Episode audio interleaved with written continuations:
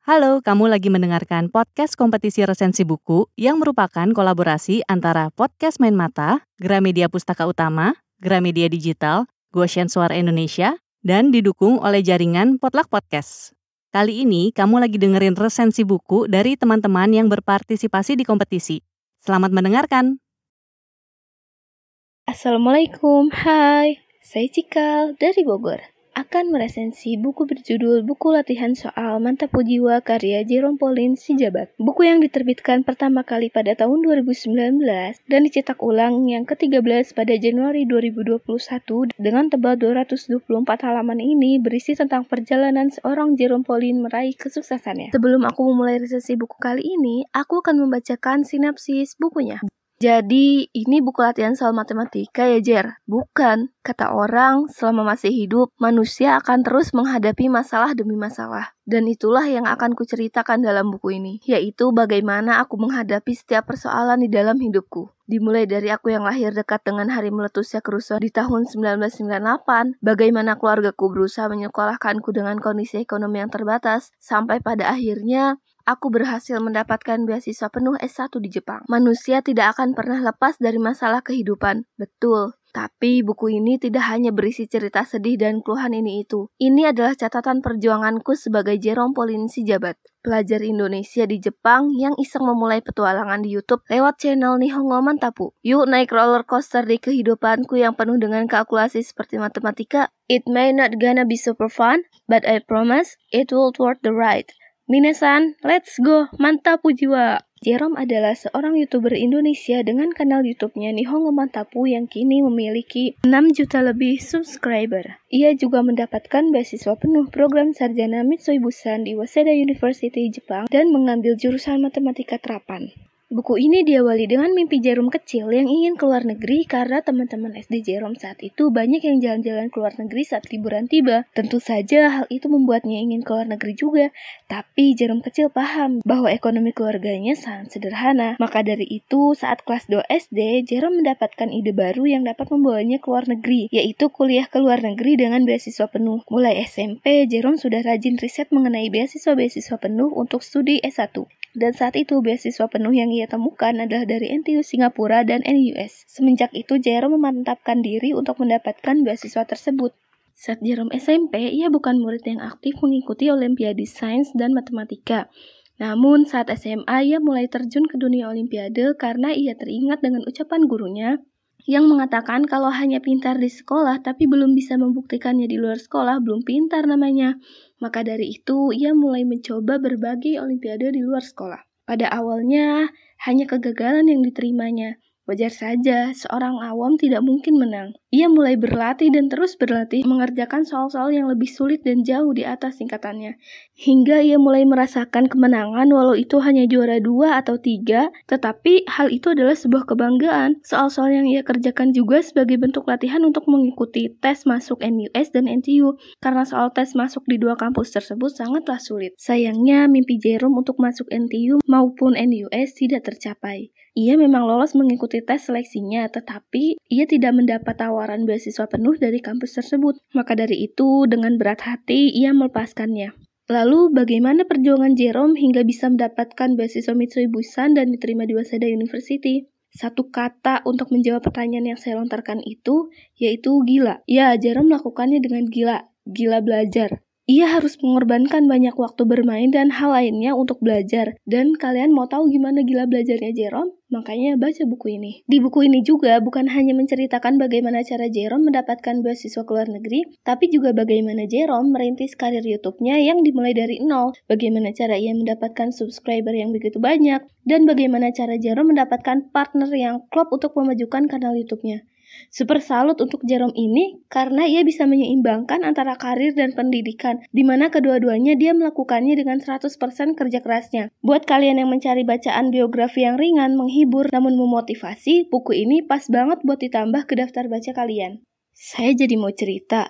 Sebenarnya, buku ini secara langsung memotivasi saya.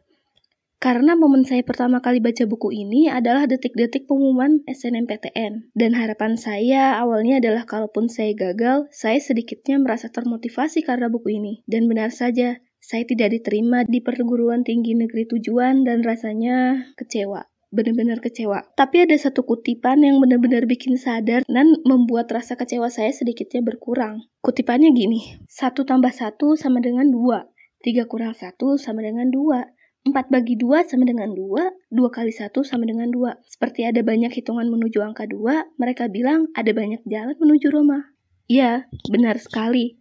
Mungkin jalan hidupku bukan ada di kampus itu, dan Tuhan sedang menyiapkan sesuatu yang jauh lebih baik dari apa yang aku harapkan. Seperti Jerome yang ditolak NUS dan melepaskan harapan di NTU, hampir mirip lah ya kisahnya dengan saya, walaupun perbandingannya jauh banget. Pokoknya buku ini bener-bener berarti buat aku dan love banget. Buku ini juga bener-bener ceria, ceria dalam segi tampilan maupun isinya. Isi cerita di buku ini paket komplit. Ada ketawanya, ada bikin mikirnya, ada yang bikin, ya ampun kasihan sekali Anda gitu. Karena seperti pada kisah umumnya, bukan hanya keberhasilan melulu yang diceritakan Jerome, karena selayaknya manusia biasa, setiap keberhasilan pasti ada banyak kegagalan di belakangnya. Tapi kegagalan-kegagalan yang ditulis tidak terkesan suram, malah lebih terkesan menyemangati. Bener-bener bikin happy baca buku ini tuh. Apalagi tampilan layout buku ini cantik banget, banyak ilustrasinya, Beberapa lembar buku ini pun warna-warni. Udah gitu setiap kutipan yang ditulis estetik banget. Cocok banget nih kalau mau di-share lewat Insta Stories ataupun dijadiin status WhatsApp. Bener-bener kece. Oh iya, jangan lupa juga dengan soal-soal matematika yang banyak terilustrasikan di buku ini. Dan ada juga soal-soal yang pas pertama kali lihat pasti mikir, ini soal apa ya? Kok gini? tapi malah jadi pengetahuan baru juga gitu buat kita. Jadi bikin mikir juga walaupun ada jawabannya tapi tetap aja kayak saya sok-sokan mau jawab padahal nggak bisa. Aduh bisa aja nih ya Walau dengan beberapa kelebihan yang telah aku sebutkan tadi, ada juga beberapa kekurangan di buku ini. Yang pertama, dari segi tampilan, ada beberapa halaman yang antara warna halaman dan warna hurufnya tidak sesuai. Contohnya saja pada halaman 72. Di halaman tersebut, warna halamannya hijau toska dan warna hurufnya putih, jadinya butek. Kalau dibaca di tempat yang cahayanya kurang, malah tidak akan terbaca. Tapi untungnya halaman yang seperti itu tidak banyak, jadi tetap bisa dinikmati. Dari segi isi, padahal aku sangat berharap kalau kultur-kultur Jepang lebih ditonjolkan.